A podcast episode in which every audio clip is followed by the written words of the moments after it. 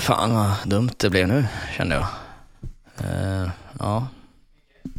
Jag blivit helt bortkopplad på något jävla vänster, men det var ju jag själv som gjorde det. Hur fan klantigt liksom, kan jag känna. Vad hände nu? Hallå? Hallå ja?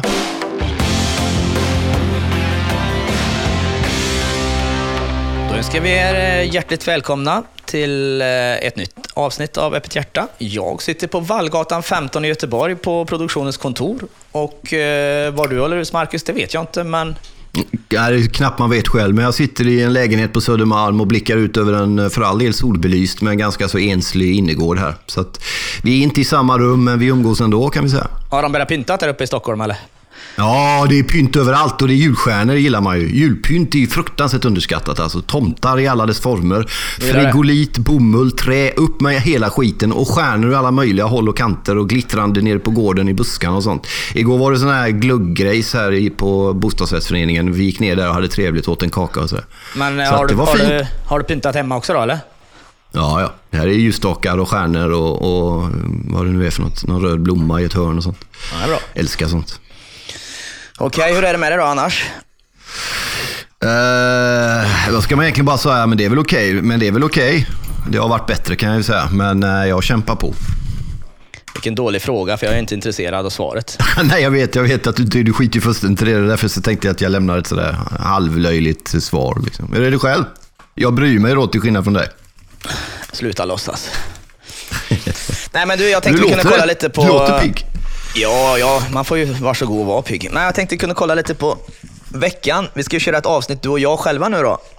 Ja, just det. Titta på lite aktuella ämnen och sådär. Vi varvar ju eh, i den här podden lite grann med, ibland har vi gäster och ibland så kör vi lite eget då. Sådana saker som vi har sett under veckan kanske, eller någonting som vi har blivit glada eller förbannade över, eller vad det nu kan vara. Ja. Ehm, har du tänkt något i veckan? Ja, men jag, jag vet, det är ju liksom... Eh, det, det har väl fastnat någonstans känns det som. På det här liksom... Eh, det, det är inte så mycket annat än metoo i olika former. Det dominerar ju på väldigt många sätt. Det, jag kan, det, det som jag har tänkt på den här veckan när det gäller metoo, eftersom det är väldigt mycket metoo, så har det väl varit att det känns som en sorts jag vet inte, men ökad polarisering mellan människor känns det som. Eller, eller så är det för att, eh, hur jag mår, att jag tolkar det, och att jag måste ut ur hur jag mår för att jag tolkar hela världen utifrån hur jag mår. Så kan det också vara, men det, det känns som att det är lite sådär eh, halvt inbördeskrig nästan. Liksom. Men det kanske är överdrivet, jag vet inte. Men det är känslan under den här veckan som gått. Jag känner mig lite eh, förvirrad och det är väl en bra grej kanske. Förvirring kan ju leda till bra saker, men, men eh, jag vet inte. Jag, jag, jag vill liksom inte vara med längre. Det är lite den känslan. Nu frågar jag en fråga som jag är intresserad av på riktigt. I vilket sammanhang känner du dig förvirrad? I, alltså, Alltså, i- i, i- i, ihop med metoo? I sociala sammanhang, i möten med nya människor, hur, hur liksom... Nej men det Marcus, alltid fan! Ge dig nu. Du har ju alltid haft jobbigt med att träffa andra människor. Ja. Du ju inte ens vara... Så att det, det Men jag inget försöker, om, men, om man har det som två kuber. Den ena är då mitt sätt att se på saker, att jag har på liksom, det sociala och har lite svårt att... Men sen även om man för över det till liksom, samhälleliga strukturer. Därför kanske det är vettigare att fråga dig det. Har du märkt någon skillnad liksom, på hur du hur du ser på människor eller som man eller om du möter en kvinna på bussen eller du ser en snygg tjej vid en busshållplats. Eller, tänker du på någonting av det här som har pågått runt om i medierna de sista veckorna eller är du precis som alltid? Ja, jag är precis som alltid. Jag har inte på mig absolut ingenting. Eh, Däremot så följer jag debatten och tycker eh, den är intressant och jag ser liksom vart den tar vägen och det är jag intresserad av att se. Eh, ja, men du vet. Jag, jag ty, alltså, jak, jakten på att framstå som ansvarstagande i den här eh, debatten. Jag, jag tycker ju Afton, Aftonbladet slår alla, alla, alla rekord när de eh, Ja, de godkänner en helt vansinnig krönika av den här eh, Heimersson. Vad är han heter? Staffan Heimersson, va? För, för, ja, ja, det, det kändes... Varför Ja, är men- den vansinnig då? Nej, men så här. De har alltså... De väljer ut honom och offrar honom för att de då ska framstå i god dager som att de är ansvarstagande i den här debatten. Och det Mm, det är där är, ja, och det, det, det, jag tycker det är så billigt och att ingen ser det. Eller om man ser det och inte vågar säga någonting. För att Mm. det han skriver och de får den här gamla gubben som inte liksom lever i nutid och inte hänger med egentligen just i, det, i, i de här sakerna. Eh, ta framstå som helt dum i huvudet. Plus att det är ett jätte... Det är öppet mål att skicka han ut då. Men vad man inte... Vad, vad som missas helt och hållet är att den har gått igenom från den lägst stående chefen till mellanchefen till högsta chefen innan den publiceras. Och sen när den publiceras så sparkar vi han. Mm. Han gav en intervju också där som, som gjorde beslutet enklare möjligen. Men, men det är precis som du säger, jag är glad att du ser det och jag, jag är väldigt glad att du säger det därför att jag har tänkt på det men jag har inte heller sagt eller skrivit det utan du är ju egentligen den första som, som säger precis så som det är. Jag har ju skrivit krönikor då som en del vet och, så, och jag vet hur det går till och det är precis som du säger. Det finns inte en, en mening i en krönika, eh, framförallt inte av den här typen av känslighet som den här krönikan har varit, som någon chef i något led inte har läst. Utan de offrar naturligtvis honom och det är som du säger, han är gammal, han bor inte i Sverige största delen, han har liksom ingen större koll på vad det här var för något. Han reagerade och de tycker att ah, men nu kör vi och då kan vi offra honom och så kommer vi framstå i och med att vi har ett rätt stökigt eh, tillstånd på tidningen just nu. Förutom Det är så- det- detta, Marcus, förutom detta, för jag vill lägga till en grej här nu som jag tycker är, gör att det här blir ännu värre. För de har alltså en på tidningen som har knullat utan samtycke. Han har inte fått sparken.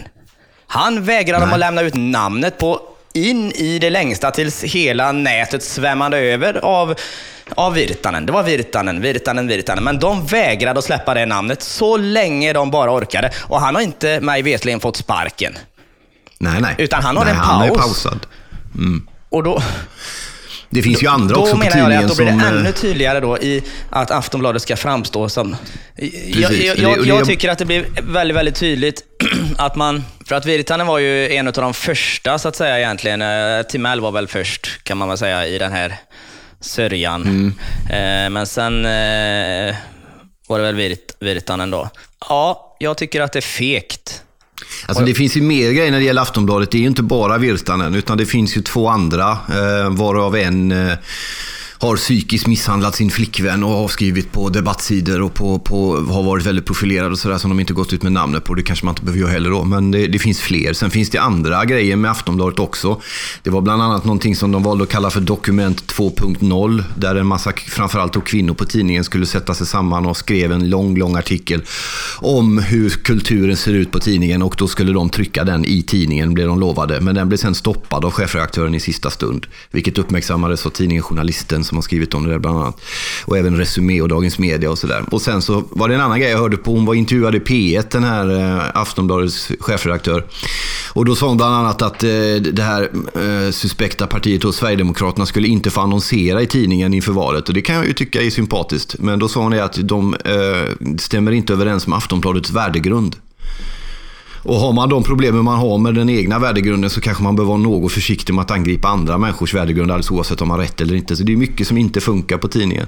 Men jag såg ju den här Debatt Opinion Live, eller var detta i tv, i, i torsdags kväll då, om det här. Och då var det ju Jennifer Wegerup som hade skrivit en artikel också som tyckte jag var väldigt bra i det, i det samtalet. Där hon faktiskt sa till Aftonbladet, mer eller mindre en tidning hon har jobbat på i hundra år själv, att det är helt, helt fel att sparka liksom, Heimerson. Det var den enda som orkade säga det. Men ingen framförde det argumentet som du säger nu faktiskt. Just det där att vi släpar ut honom och offrar honom. Liksom. En gammal halvlallig gubbe från, som sitter vid sin swimmingpool i Frankrike och sen så framstår vi som lite bättre än vad vi är. Det är, det är desperat personalpolitik kan man säga. Ja, men, men märk, märk väl nu att det, det som jag är ute efter det är rättvisan i det hela. Det, det är det. Du frågar liksom lite grann om eh, hur det här har påverkat mig och hur det har... Eh, och jag svarar direkt att ingenting. Nej, det har det väl inte Nej. egentligen. Utan, men jag, jag är intresserad av hur debatten eh, rullar liksom, och, och vem som... Och rättvisan i det. Det... det, det Men det och, finns och, ju ingen och, sån. Och, och, fegheten runt omkring och vem som ska säga någonting nu och vad får man säga nu och, och allt blir så fjantigt på något sätt. Säg för fan Du som låter, det är. du, låter som, du låter som jag gjorde för ett och ett halvt år sedan ungefär ju mer inblick du får i hur det går till, ju argare blir du. Det är så här det går till. Framförallt när det börjar själva som det gör nu då. Och det som du har varit inne på en annan gång också, att det borde själva under chefernas fötter mer. Framförallt när man kollade på Timell, liksom, där var det ju massor med chefer, framförallt kvinnor hela gängen. Aftonbladets chef är kvinna. På SVT är alla chefer kvinnor. Lotta Bromés chefer är kvinnor. Eh, Aftonbladet som sagt. Och, och över, det, det, är kvinnor överallt där. Ja, det, men de kommer liksom undan det här. De dansar ju undan den här jävla elden. Liksom. Mm. Det, det, är också helt obegripligt. Men grejen är att jag är ju inte arg på detta. Det säger du att du inte är, men det är du tror jag. Ja, det får du tro om du och vill. det är ju bra. Men, men, ja, men det är ju rättvisepatos i någon mening. Det är väl bra att bli arg? Vad är det för fel på det? Ja, fast jag kan inte riktigt bli arg på det, för att jag känner inte att jag kan vara med och påverka detta och att det på något sätt på det, på det sättet. Men, men jag, jag är med och, och följer och tycker det är intressant. Och jag tycker att eh, vissa saker är väldigt orättvist. Och att det jag kan liksom tycka också, framförallt tonen är ju så brutal också. Det är liksom många av de här... Det, det finns en, en, en sorts omvänd häxprocess. Du vet, högaffelkänsla över en hel del. Alltså om man läser en del kommentarer kring när han fick sparken så var det ju du vet, en massa människor då, kvinnor som hoppas han dör. Äntligen en gubbe vill bli av med honom. Han kan gå och lägga sig i Frankrike och bla bla. Liksom. Det, det, finns en sorts skadeglädje i det här som är... Ja, jag vet inte. Den är också rätt snuskig. Alltså. Men det är kanske så det är om man känner att man har blivit förorättad i 200 år. Så vet man alla, kanske. vet alla som lyssnar vem Staffan Heimersson är? Eller bör man ta, för att man ska hänga med? Ja, man... han har jobbat på Aftonbladet i 40 år tror jag det Han är en, en av Sveriges mest en av Sveriges mest lästa och frekventa krönikörer. Han var programledare i tv förut. Han har rapporterat från Frankrike under flera år. Han har skrivit 82 tror jag. Något sånt. Men alltså gamla gubbar är, är ju liksom... Eh, du vet, det, det, är ju skottpengar på dem nu. Det, de ska ju bara bort, de ska dö liksom. Det är den nivån det ligger på nu. Och det är helt fullständigt vedervärdigt att behöva se det alltså och upptäcka, känna den fruktansvärda skadeglädjen som är mot vissa grupper i samhället. Det är, det är en sorts omvänd rasism. Liksom. Det är som att konstant, den här hatnivån måste vara konstant. Det är bara på vilka man riktar hatet mot som ändras. Nu är det liksom medelålders vita män. Eh, ju äldre de är, ju lite snurrigare de är, ju mindre koll har de, ju vidrigare är de. Liksom. Det är den nivån det är på. Och det är bara att säga grattis. Ja, man, det, då ifrågasätter jag rättvisan igen. Ja, jo, men det finns att, ju ingen rättvisa i det här. Nej, du det gör inte det och det, det kan jag tycka är störande. Jag är inte arg på det, men jag tycker att det är onyanserat. För vissa jo, men alltså hela medie, mediecirkusen och det offentliga Sverige och allt det där. Det handlar ingenting om rättvisa. Det handlar ingenting om talang. Det handlar ingenting om begåvning. Det handlar ingenting om, om något sånt. Utan det handlar om hur smart du är, hur jävla lismande du är. Eh, hur villig du är att göra avkall på vad du egentligen tycker. Hur du anpassar dig i mallen. Hur du fogas in i systemet. Om du börjar rucka lite på det och bli en bakterie ur det, då åker du ur systemet fort som fan. Det har ingenting med någonting annat att göra. Liksom. Det är så det är. Och så går det till på alla instanser. Det är inte bara i media. Det ser vi ju i andra delar också. Om du tar kulturlivet, liksom den här Svenska Akademin och den här kulturprofilen. Vilket måste vara det mest jävla felaktiga namn på en gubbe i världshistorien. Det är ju ingen som vet vem den där eh, vidriga människan är. Vilken, på vilket sätt är han en kulturprofil? Och han har haft stora författare och ledamöter i akademin skrivandes brev till sina polare i institutionerna att de ska ge honom konstnärslön resten av livet medan han, han har hållit på. Och alla, exakt alla har vetat i 20 år. Och sen går DN Kultur med de här lismande cheferna ut och snackar en massa om att nu ska det äntligen skaka i Svenska Akademins grundvalar. De har vetat det här i 20 år med. Alla har vetat det där i 20 år. Men så tar de chansen att brösta upp sig och trycka till. Liksom. Det är det enda, allting handlar nu om att ta chansen och brösta upp sig och trycka till. Och framstå som lite bättre själv. Eller haka på tåget och skriva att det här är så bra, äntligen underbart, hoppas jag klarar mig, hoppas jag klarar mig. Det är, liksom, det är bara den det är, det är angiverigrejen. Därför hade Heimerson en poäng i, när han jämförde det med Stalin. Han kunde jämfört det med, med, med det som hände under McCarthy i USA på 50-talet. Där man jagade alla som hade sagt en solidarisk tanke om en fattig, för den jäveln var kommunist, han ska ut till Sovjet. Det är samma nu. Om du, om du, inte, om du yttrar dig du precis på, på gränsen till felaktigt så får du så mycket stryk att du inte kan stå upp. Mm. Och det är en del av deras, det är en del hur de argumenterar för att nå makten nu. Det är allting det handlar om är makt. Fattar du vad jag säger? Mm, jag fattar. Ja. Kulturpedofil så. kanske är ett bättre namn. Ja, Men jag, jag är ju intresserad av kultur. Jag läser ju den här skiten och läser kultursidorna och försöker hänga med i deras jävla onanistiska recensioner och lyriksamlingar som kommer. Jag fattar inte ett ord. Ja, jag har aldrig hört talas om den här jävla då. liran. Ha? Jag har aldrig hört talas om den gubben. Jag har ingen aning vem det är. Jag var jätteglad över det. Och de här grejerna som, som händer nu inom kultur, inom media. Det har, när det gäller kultureliten, det har jag ju liksom, det har jag ägnat 25 år att försöka beskriva hur det går till i de där.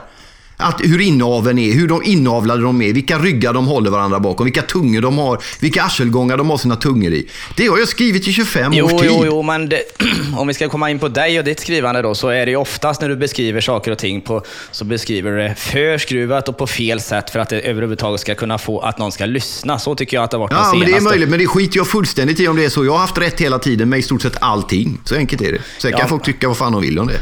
Jo, jo, Men så men, man enkelt är det. Men skitsamma om det, förändrat men- så får man ju anpassa sig lite efter hur man Nej, uttrycker jag sig. tänker inte anpassa mig. I helvete jag anpassar mig till någonting när det jag behöver anpassa mig till ser ut som det gör. Det, jag, det här är ju inga nyheter, men när det gäller Fredrik Nej, Virtanen och hans jag- äckelgrejer, det har ju alla vetat i 25 års tid också. Alla har vetat det här liksom. Och jag har inte heller sagt något om det.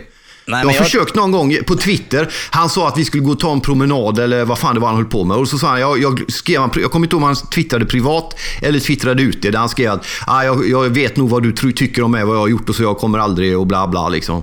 Och då höll jag tyst också om det och jag vill inte liksom, jag tänkte jag vet inte mer om någon annan om det. Men alla har ju vetat alla de här grejerna i liksom hur länge som helst. Men om jag hade vetat de här grejerna hur länge som helst och om jag hade eh, ansett att jag själv har helt rätt i, i min åsikt eller vad jag, hur jag tänker och så. och att jag har en plattform. Och den här plattformen så att säga ger mig också betalt.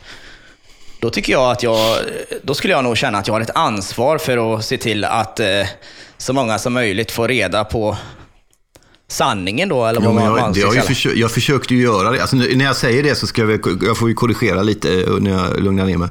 När det gäller kultur, jag har inte vetat om enskilda personers perversioner, tafsanden och våldtäktsförsök. Och men allt du har ju ändå känt Men jag till fenomenet i 25 år, Nej, jag vet ju, alltså den kulturella inaveln har jag ju pratat om sen jag gav ut min första bok. Det är ju, inget, det är ju ingenting som att, att de håller varandra bakom ryggen, att de är en inbördes klubb, att de samlas. Ungefär som att det kommer en nyhet när hon Eva-Britt Brattström står i Aktuellt och säger hur snuskigt det går till på högsta våningsplanet på Hotell Gothia under bokmässan. Det har ju folk vetat om i hundra år och därför vill man inte vara en del av den skiten. Men när, när, när sen då kulturmänniskor som Björn Wiman och andra på DN sitter och säger att alltså, här fruktansvärt det går till i akademin och kultureliten, så bortser de ifrån att de själva är en del av kultureliten och har vetat om det i alla år. Och de har ju haft plattformar. De har haft reell makt och verkligen kunnat göra någonting åt det. Men Det de har inte gjort ett någonting. jävla dugg åt det.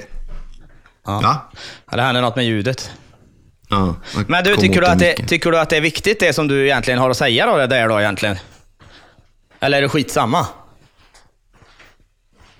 Jag tycker ju det låter Nej, rätt men viktigt. alltså, det, nu, nu spelar det ju ingen roll. Alltså, jag, jag Nej, vet inte inte om det är exakt viktigt. just nu i just detta ämnet då, men det, du lär väl ha andra saker som du också har åsikter om som du eh, vet från och med idag då och eh, 15 år framåt före alla andra. Är det viktigt att andra får reda på det eller att andra också kan få en förståelse och börja titta på saker och ting if- utifrån ett annat perspektiv? Men det är ju Tycker det jag är försökte... Jag, det, jag för, ja, ja, jag tycker det är viktigt och det är väl Ja, det jag försöker men då är jag göra, inne på jag- det igen, att då misslyckas du fullständigt och då kan du inte vara nöjd över hur du får fram ditt budskap. Där i, det är det jag menar, balansen i då hur man Jag så att vet säga inte på hur uttrycker jag sig. skulle kunna göra på något... Jag vet inte hur jag skulle kunna göra på Nej, något men annat det sätt. kanske du Jag- kunde jag, ta och titta på då eftersom du är duktig jag på att skriver skriva och om att de du har- grejerna som...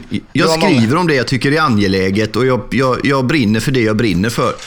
Sen, sen får man ju försöka kanske fundera på om man kan göra det på smartare sätt eller hur man ska kunna göra det. Eller, men just nu är ju liksom...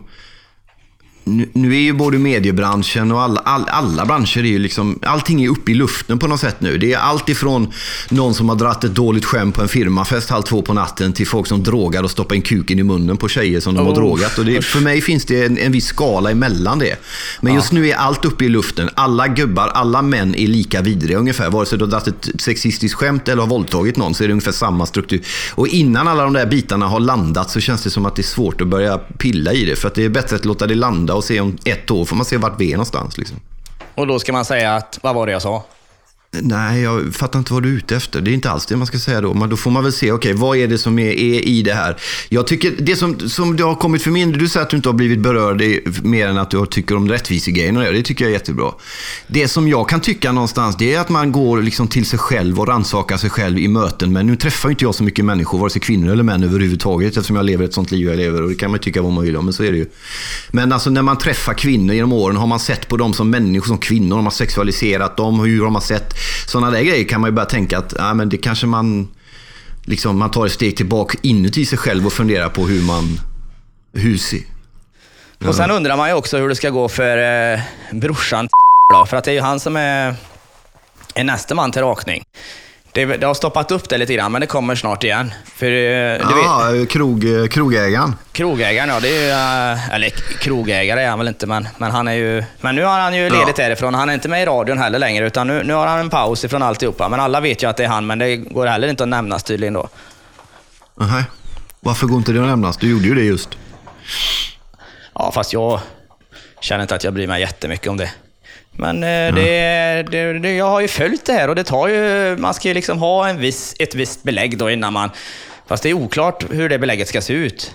Men alla vet att det är den som det pratas om. Vad han har gjort och ja. inte gjort är en helt annan sak. Nu kommer produktionen in här med en lapp till mig. Ni kan ja. bli anmälda för förtal. Okej, okay. ja men då får vi klippa bort det sen. Så. Det var du som sa det. Anmäl dig då.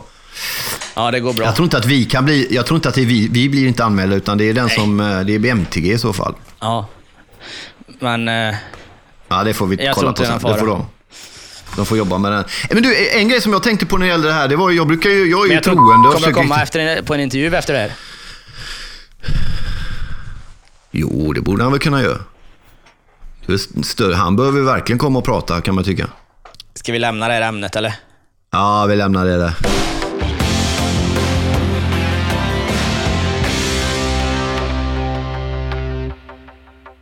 Vi kan ta ett annat ganska hett ämne, fast mm. som jag tycker slinker under radarn är alldeles för enkelt. Mm.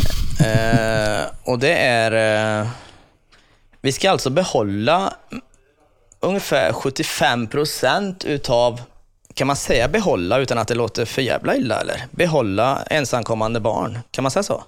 Ja, ja, alltså, man får väl säga vad man vill. Eller, jo, jag vet jo, inte det får man, man göra. Man, man, uppenbarligen så kan man bli hårt straffad för om det blir på fel sätt. Ja. Men, men ja, förstår du vad jag menar? Vänta bara. Ja, jag förstår nej, vad du menar. Nej, jag är alltså, inte rädd så. Men, men, jag tänker så här att... Eh, men det här är ju en politisk eftergift. Ska vi, ja, ska vi ta lite ja, tid? Ja, men lite grann. För jag tänker, Fridolin har ju varit inne här och kört stenhårt. Eh, det, det är så jag läser det hela. Jag vet inte om jag har läst rätt.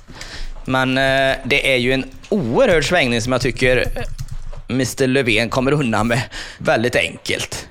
Det är ja, klart, det, att, det är klart att han inte vill ha eh, någon regeringskris i det här läget. Det är, inte, ja, det är mindre än ett år kvar till valet och, och, och hela den där biten. Då. Men när man går ut så stenhårt som de gjorde förut, när de klappar igen gränser. Det ska vara kontroller på allt som är och de ska skickas tillbaka. Och de ska, det var liksom, ja men det var ju värsta SD-retoriken i media och eh, allting för, förflyttades väldigt långt till höger, förutom då Miljöpartiet och, och Vänsterpartiet. De grät mm. ju. Men i alla fall, så Socialdemokraterna förflyttade sig väldigt långt åt höger. Mm. Och, om, man nu, om man nu vill använda höger-vänsterskalan i det här. Men, ja, jag ja, men det tycker jag väl att vi, den fortfarande håller. Ja. Gör den inte det? Mm. Mm. Ja. Och nu en sån här riktig, riktig helomvändning. Ja. Men det har ju med att göra, vi ska, jag, jag, jag, hittade exakt vad det är som gäller. Det är att ensamkommande unga då föreslås få tillfälligt uppehållstillstånd för att plugga klart på gymnasienivå. Och det gäller de som väntat i minst 15 månader eh, eller som fått sin ålder uppskriven till 18 år eller vad det är, och inte har begått något brott. Så det finns ju en del, en del restriktioner i det. Men ja, det är som men du jag, säger, kan, det, jag, det... Jag, jag, jag, jag, kan tycka att det är helt rätt. Så, så jag, jag har inte ens börjat tycka i det. Utan eh, jag kan tycka att eh, det kan man gott ge tillbaka om jag nu lite snabbt då, utan att tänka väldigt djupt på det, så tycker jag gott man kan ge tillbaka det för de som har varit här och lidit och fått gått och väntat och, och bara bli slussade mellan det ena systemet för det andra och bara sitter borta på några förläggningar och slussas fram och tillbaka mellan Malmö och Norrland och, och, och väntar på, ja, hela deras framtid står på spel. Och de har, de har, de har satt sin framtid i händerna på på, på det svenska eh, välfärdssystemet eller, eller liksom hur, hur bra det är här och så.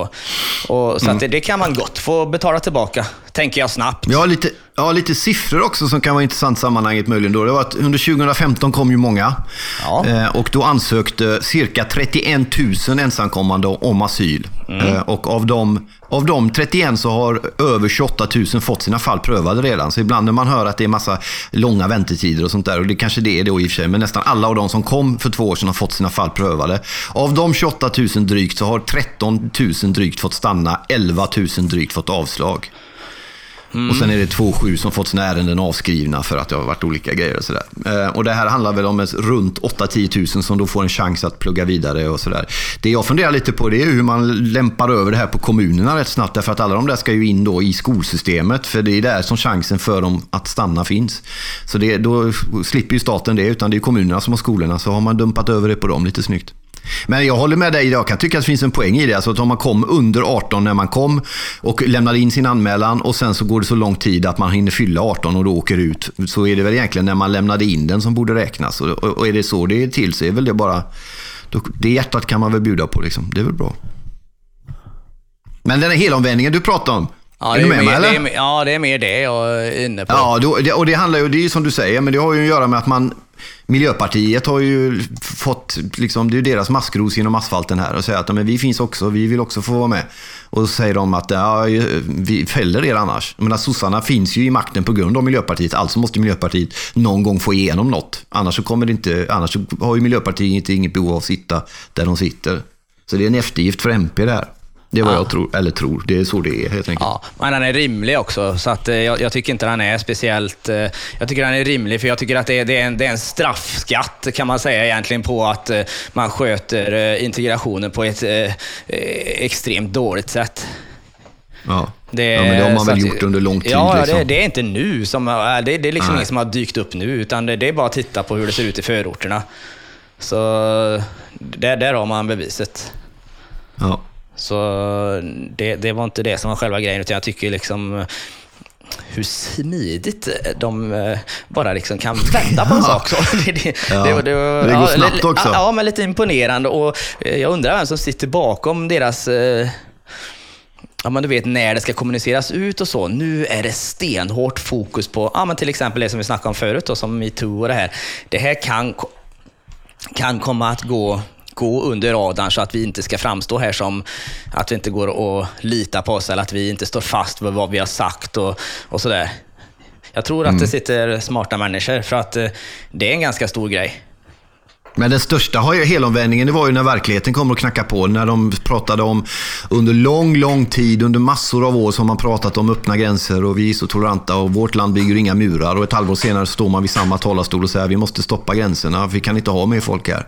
Och den helomvändningen vill man ju inte som politiker göra, därför att det är en ideologisk fullständig helomvändning. Men när verkligheten plötsligt står framför dörren och knackar och säger att det här funkar inte längre, då har du liksom inget val som politiker än. Så då får du stå där med brallorna ner och säga att nej, men vi hade fel, men det gör de ju inte. Utan de försöker bara vissla i mörkret och tänka att det är ingen som märker något, det är ingen som märker något.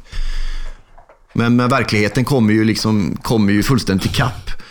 Det, det, är en annan grej som jag tycker är intressant också. Nu jag hörde han Tobé som är rättspolitisk talesperson, tror jag det heter, för Moderaterna i P1s lördagsintervju i lördags. Mm. Han pratade om att Brå sedan 2005 inte har gjort någon undersökning om vem det är som begår brott och varför sexualbrott har ökat. Då ville de göra en undersökning på det och det vill inte Brå för att alla vet vad som kommer komma fram och det är inte bra och sådär.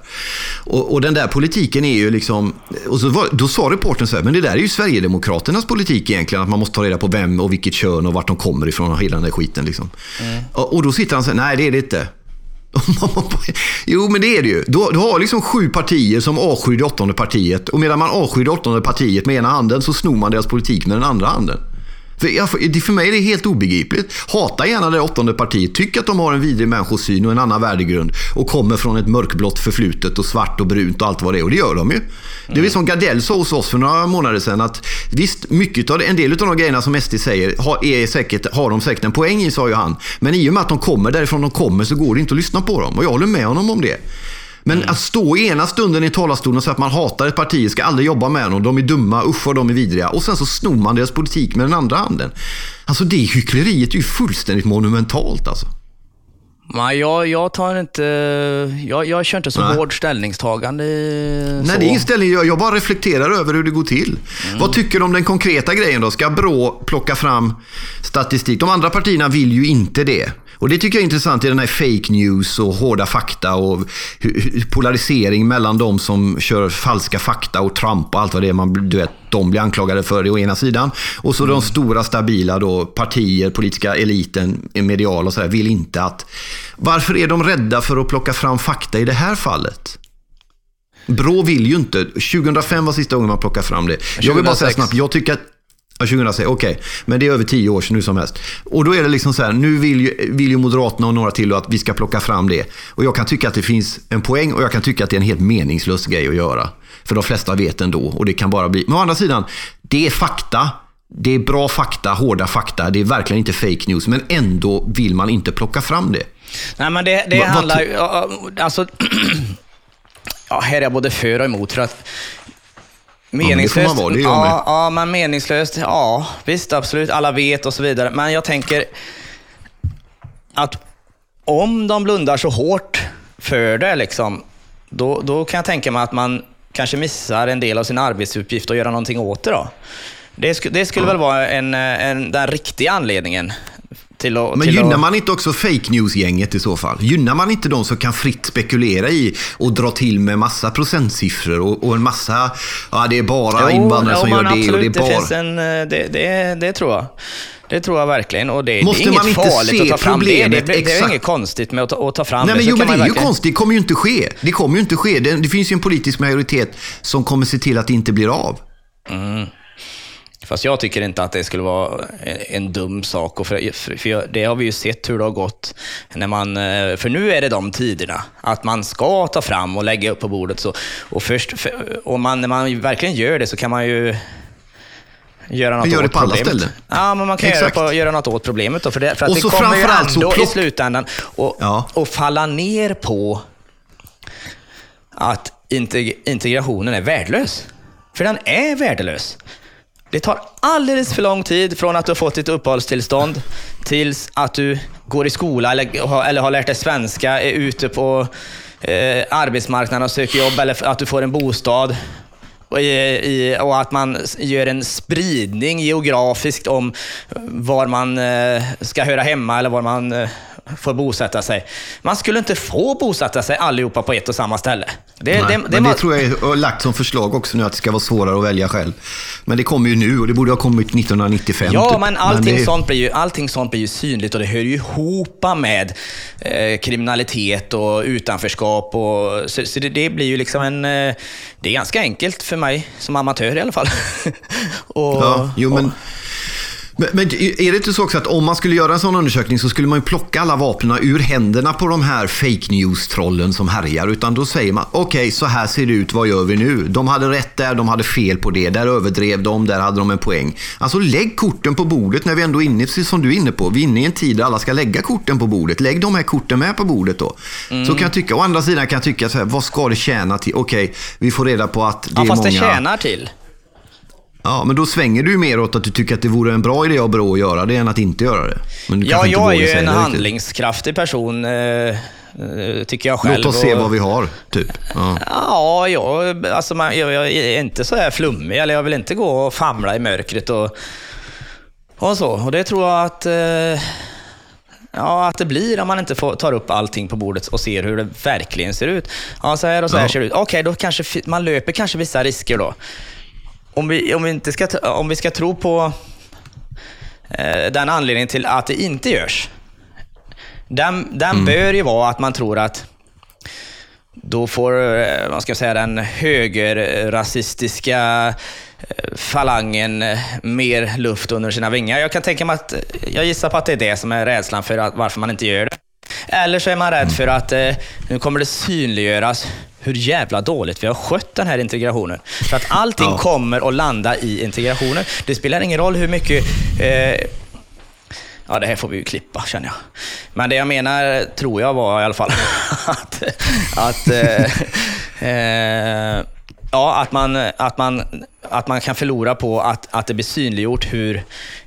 ja, Att det kan bli en sån... Eh, Ja. prestigegrej, poäng- prestigegrej. Att Ja. ja. ja, men vi har haft fel i 25 år. Den är, den är inte så skön att ta på sig, speciellt inte åtta månader före valet. Kan, Jag kan- bara tänkte första tanken där utav Säg poäng. de två du... Ja, ja, men jag, jag bara nog tänkte första där att de är rädda för att, att resultatet ska bli att man ser då att de kommer ifrån och att det är ett utpekande och stigmatisering av en redan utpekad och stigmatiserad grupp. Och det kan de faktiskt ha en poäng i. Jag menar, det, det, de flesta vet redan och sådär. Men, men jag, tro, jag tycker inte att det håller ändå. Men man, man ska inte hålla på och peka ut redan utpekade ännu mer. Så det har de en poäng i. Men den andra grejen du säger är ju intressantare egentligen. Att de är skraja för att det kommer gå tillbaks till hur de har att de får den heta grejen i knät igen. Liksom. För där har de ju, det är nästan ännu Ja. mer troligt. Och den Nej, är värre jag tror att det är grejen. de två man har att välja på, eller var, varför man håller det så hårt eh, bakåt i alla fall. Eller varför, för det, jag, jag hittar inga mer anledningar. Och så länge de inte kommer göra det med Brå och sådär så kommer det ju fortsätta att valsa runt en massa siffror på en decimeter till höger om motorvägarna på internet. Liksom, där det är någon skymningszon i kurvorna. Där folk kommer skriva om att det är så och så många och så kommer folk tro på det. Innan folk då, innan, innan, om det inte nu blir presenterade offentliga siffror så det, får de ju leva med det då. Liksom.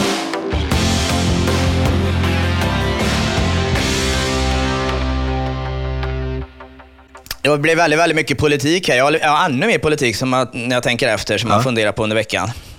Ta den grejen också nu då, de som hinner Ja, men det, det är en intressant grej som jag kollar lite. Eh, och det är att eh, idag så sparar svensk... Det finns ingen som sparar mer. Eller alltså svenskar sparar mer än någonsin. Spara pengar. Ja. Man eh, lägger okej. upp buffertar. Man eh, gör hellre det Vem fan har än... råd med det? Nej, men du, ja precis. Men jag, jag, jag vänta, låt mig komma en bit här innan vi... Ja, förlåt. Eh, man sparar mer än någonsin och man, man väljer att lägga, fixa till sin buffert för sig och sin familj och de närmaste före man tar, du vet, de här semestrar och du vet det här eh, lite flashlivet och vi ska unna oss det här och det här och det här. Man ser till att ha rejäla buffertar. Och jag, jag, jag, blir, jag blir rätt hoppfull av det, ja. Hur, Ja. känner, hur känner du? Nej, jag blir bara avundsjuk på folk som har råd att spara. Alltså jag, jag måste ju låna varenda månad för att få mina räkningar att gå ihop. Hade jag haft lyxen och haft pengarna att spara så hade jag varit jätteglad. Det fanns en tid när jag hade råd att spara, det var väl fantastiskt. Men har Men man råd att inte det? spara är det väl... Jo, det gjorde jag ju, men det, sen var det ju en exfru som snodde alla mina pengar i en brutal skilsmässa, så var ju det roliga slut. Men jag har en del i pensionspengar kvar som jag hoppas kunna få leva på ett halvår när jag blir pensionär om en två, tre år. Men Men, att- eh, men det är vi- jättebra att folk sparar. Det får man ju lära sig. Jag är ju Lyxfällan-fan som du vet. Älskar ju det, det tv-programmet. Och där är det ju den stora skammen där är att, man, att folk aldrig sparar något. Men det är klart att är du i ekonomisk kris så kan du inte spara. Ofta så är det så att det blir status quo-läge där. Det är ju de som inte kan spara som behöver spara. Mm. Eller hur? Man vet varför jag blir glad av att människor sparar Nej. då? Säg. Nej, men det är för att jag tror att det börjar gå mer åt, åt mitt tankesätt, för man slutar att lita på staten. Han är Aron Flam, eh, Aron Flam-grejen är du inne på nu ja. Det gillar vi. Ja, alltså folk börjar bli de är skeptiska. Man har blivit blåst på hela pensionssystemet. Man har blivit blåst på både det ena och det andra. Det blir sämre, det blir mindre och mindre. Skatterna höjs, men skatterna höjs. Det, det gynnar inte när du höjer skatten för låg och medelkomstintagare. Det gynnar ju... Nej, men du måste ju ändå upp i en viss volym av pengar att få in för att du ska kunna få ha, kunna ha, överhuvudtaget ha råd att spara, eller hur? Det är ju inte vem som helst som... Är du ekonomiskt trångmål så kan du ju inte spara pengar. Nej, och det är det, det, är jag, det som är det, problemet. ja, men det är det jag menar. Och, och en ny undersökning nu visar så här att eh, Swedbank, det är från Swedbank, det Mm. visar att sex av tio svenskar inte klarar en oförut, oförutsedd utgift på 5 000 spänn. Ja, ja. Men, men jag hävdar ju fortfarande att det, att det är inte är något... något intellektuellt beslut som de flesta tar och att, som, som hamnar i det läget att de inte kan ha råd med den utgiften. Utan det är att deras ekonomiska ramar är så tajta att de inte har råd helt Men vi enkelt. pratar, väldigt, vi pratar väldigt gärna om jämlikheten i Sverige. Vi är ju främst i världen på detta och det skryts fram och tillbaka om detta. Men det, det, det aldrig så snackas det om att jämlikheten i, i, i, eh, om tillgångar till en privat buffert eller, eller att man, ekonomi eller sådär. Det alltid handlar det om i förhållande till stat och kommun. Ersättningar i socialförsäkringar och vårdavgifter och, och allting sånt där. Och kärn, kärnan i alltihopa det, i, i, liksom i hela den ideologin som alla, för du brukar säga att alla är sossar i grunden.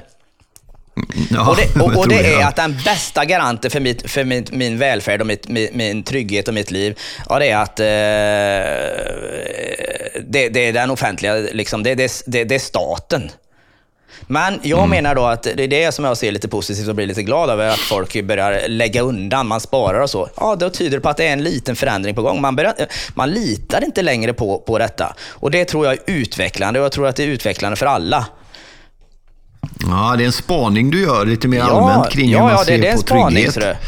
Mm, ja, det kan du nog ha en poäng i faktiskt. Ja, men att, att men är det ska- bara att- bra ska- då? Ja, jag tror det. För att eh, du vet, om du tänker sig att skatten, 30% av din lön, den går rätt in till skattemyndigheten. Och alla de som har gott om pengar, de klarar sig. Men de som har utan sparkapital och som inte har någonting, de, de, de, blir bara, de, de kommer bara längre och längre ner. Så jag tror att... Jo, jag, men det är ju ja, men- bra ja, på ett ja, sätt. Ja, men jag, jag, jag menar att de slö, staten slösar så in i helvete och det drabbar dem. Alltså, man säger sig, ja men höjer vi skatterna så får vi bättre välfärd. Jag tror inte på det. Det blir, det blir bakvänt, vet du Marcus. Det slår hårdast mot de som ingenting har och de som tjänar under 25 000 i månaden. Du var ju alldeles inne på det själv. Du kan inte lägga undan en krona. Vad skulle hända om skatten förändrades för dig? Jo, du skulle kunna få en 3-4 tusen till i månaden. Då är du också en av de som kan lägga undan 3-4 tusen kanske i månaden. Men, men inte- problemet är att om inte skatten sänks och man ändå känner en oro över att "Ja, men jag betalar fruktansvärt mycket skatt men jag får inget av det så jag måste både betala en massa skatt och försöka få till ett sparande för att jag kommer inte ha pengar när jag blir pensionär. Då är det ju två hål som läcker. Det ena måste ju så fall, då får ju staten täta till den här och, och, och så gör som du säger, att inte ta ut så mycket skatt. Eller hur? För det är ju värdelöst att betala både massa skatt och inte känna sig trygg och sen behöva spara också. Då är det ju något som inte funkar. Eller hur? Ja, jag- är med på vad du menar där. Men jag, jag menar att eh, staten är ett hot mot eh, människans eh, ekonomiska trygghet. Jag, jag tycker att det är ett hot och jag... jag eh, eh, man, man låtsas liksom eh, när man höjer skatten då, för man, man höjer skatten för låg och medelinkomsttagare. Det är totalt värdelöst. Det, man, man talar inte om sanningen för det, det innebär sänkt inkomst för dem egentligen. Du höjer skatten, då får de mindre inkomst. All, alla betalar ju samma procentsats av sin lön. Ja, jag, men jag visste, jag hade, jag hade jag kunnat spara, hade gärna sparat. Och hade, hade jag, precis som du säger, om de sänker skatten så kan jag ju spara de pengarna istället. Men problemet är ju som sagt, om du då känner oro över framtiden och samtidigt måste betala en massa skatt men inte får vad du vill ha och spara, då blir det ju eh, bara utgifter liksom. Och det kan ju också bottna i att folk sparar att de är rädda. Det är ju inte heller bra. Man släng de här jäkla arbetsgivaravgifterna och dubbelskatterna och alltihopa. Och Du lita börjar på, låta som lita, här- ja, men lita på människan själv. Ja, ja. Det, det, det, det Ja, behöver inte... jo. Sen så är det klart att det ska, jag menar inte att vi ska skrota hela välfärdssystemet. Det vore ju helt vansinnigt. Det, det tror jag inte på. Vi snackar om medborgarlön och lite sådana här saker. Vilket vi egentligen eh, hade lovat att vi skulle gå in lite djupare på. Att vi skulle liksom undersöka på riktigt. För det var ju rätt, eh, eh, väldigt mycket skrap på ytan. Eh, men eh, Ja. om det är lösningen, det har inte jag någon koll på riktigt. Så inte på riktigt. Man, man kanske skulle kolla på någon annan variant. För jag, jag, jag tror verkligen inte det här är rätt väg i alla fall. Alla tror att det är 30% skatt, men det är ju inte så det är. För det är moms och det är skatt på skatt och skatt på skatt på skatt på skatt. Så Ja, det är eh, mer egentligen. Ja. Ja, det är ju 50, 60 och i vissa fall 70 procent skatt som går till staten. Vad fan får man för det? Eller vad var det han sa den där? Ja, ja, precis. Det var ju roligt att han sa vad får man för pengarna? En, en man då som plöjt ner miljoner in i, i, i statskassan säger den grejen, en provocerande fråga med en svordom i och han, han var tvungen att lämna sitt uppdrag. Ja, men det var Det, roligt. det är också kännetecknande av vad det är för ett jävla land vi lever i. Liksom. Vad, vad, är, vad är grejen med det?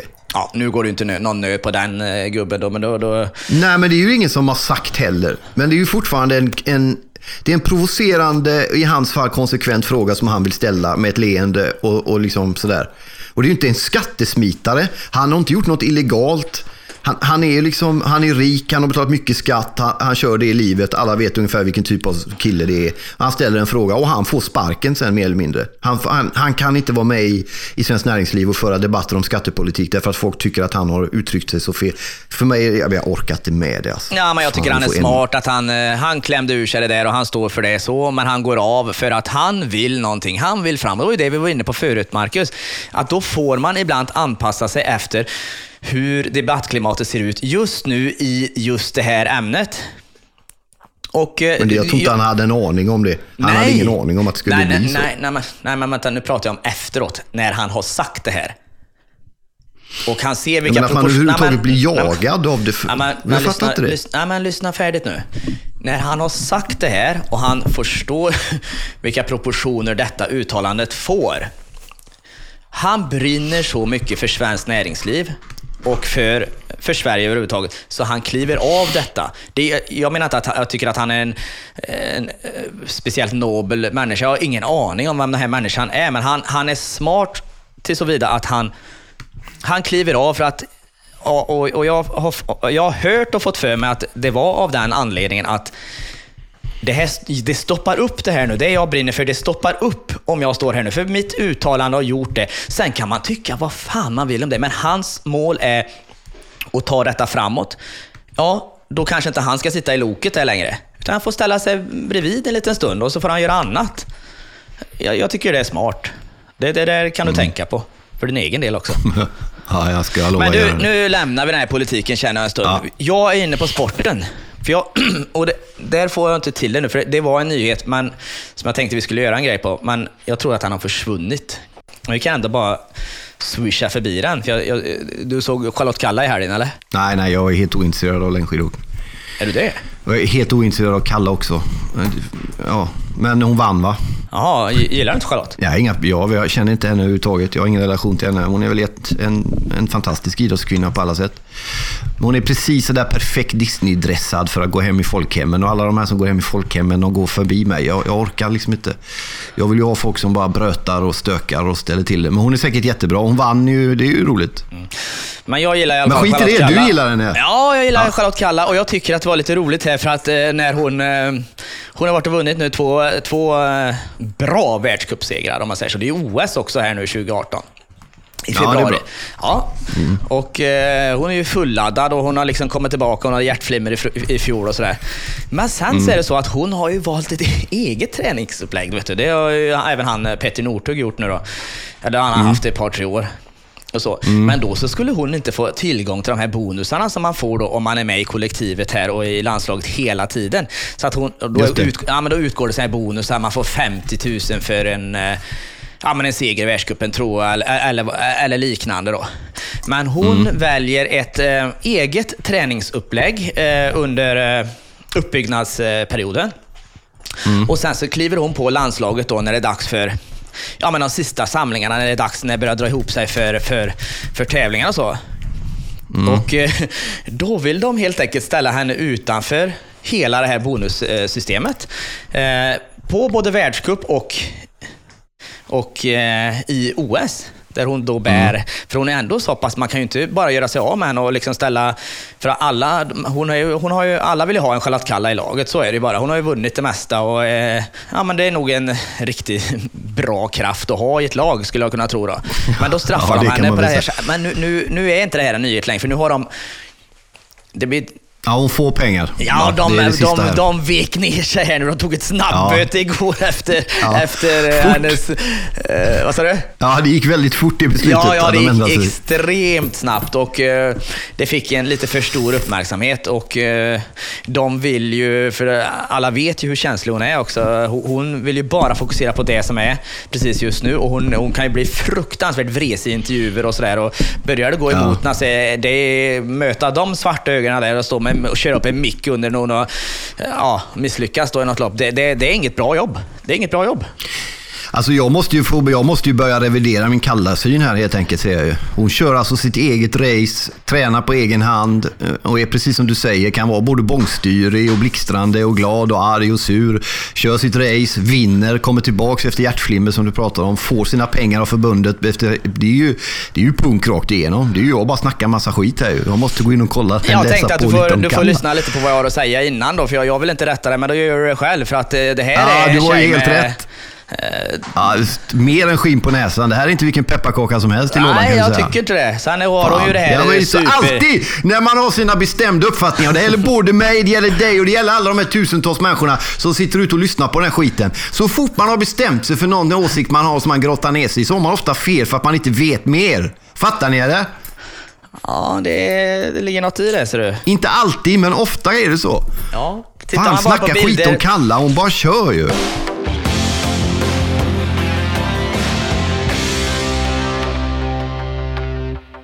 Det har jag tänkt på nu också när Svenska Akademin, när det blåser som, som värst, eh, så har de ju sitt stora spektakel, det är väl fel att kalla det, men det är deras stora, det är ju en världshändelse i hela världen faktiskt. Det är ju Nobel, Nobelutdelningen, Nobelmiddagen helt enkelt, som är i december i Stadshuset varje år. Och eh, det ska man ju gärna ha varit på innan man dör. Har du varit på den? Nej, jag har inte det. Jag, jag kommer ju komma på det någon Sku- gång, det tror jag, men jag vet inte riktigt hur och så. Skulle, är det som ett mål för dig att gå på den? Det skulle jag säga är överdrivet om jag skulle säga det. Att det är mitt mål att gå på Nobelmiddagen. Det kan jag inte säga. Eh, nej.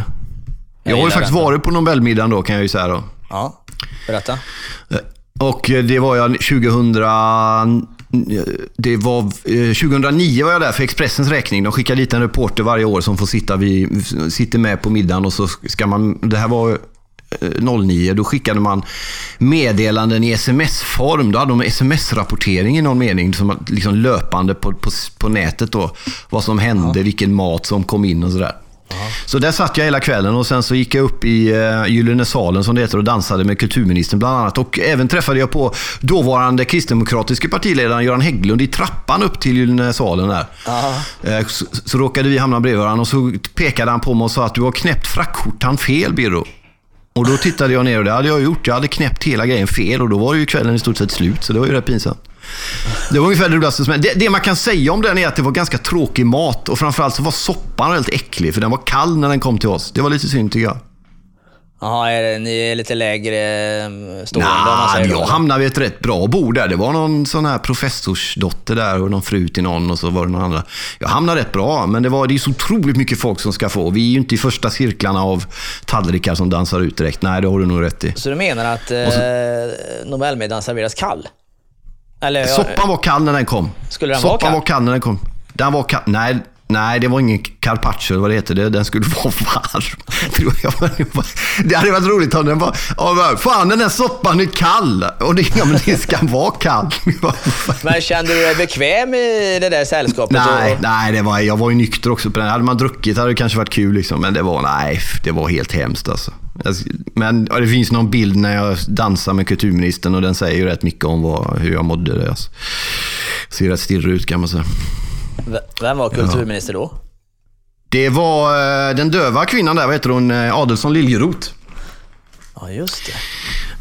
Fantastiskt trevligt i och för sig. Men det var kul att vara där. Men det var ju mer Men kul för hur- hur mamma länge som var skrek. det? Jag var, var, man var där vid sex, sju någonting och sen var vi på hotellet vid två eller något sånt där.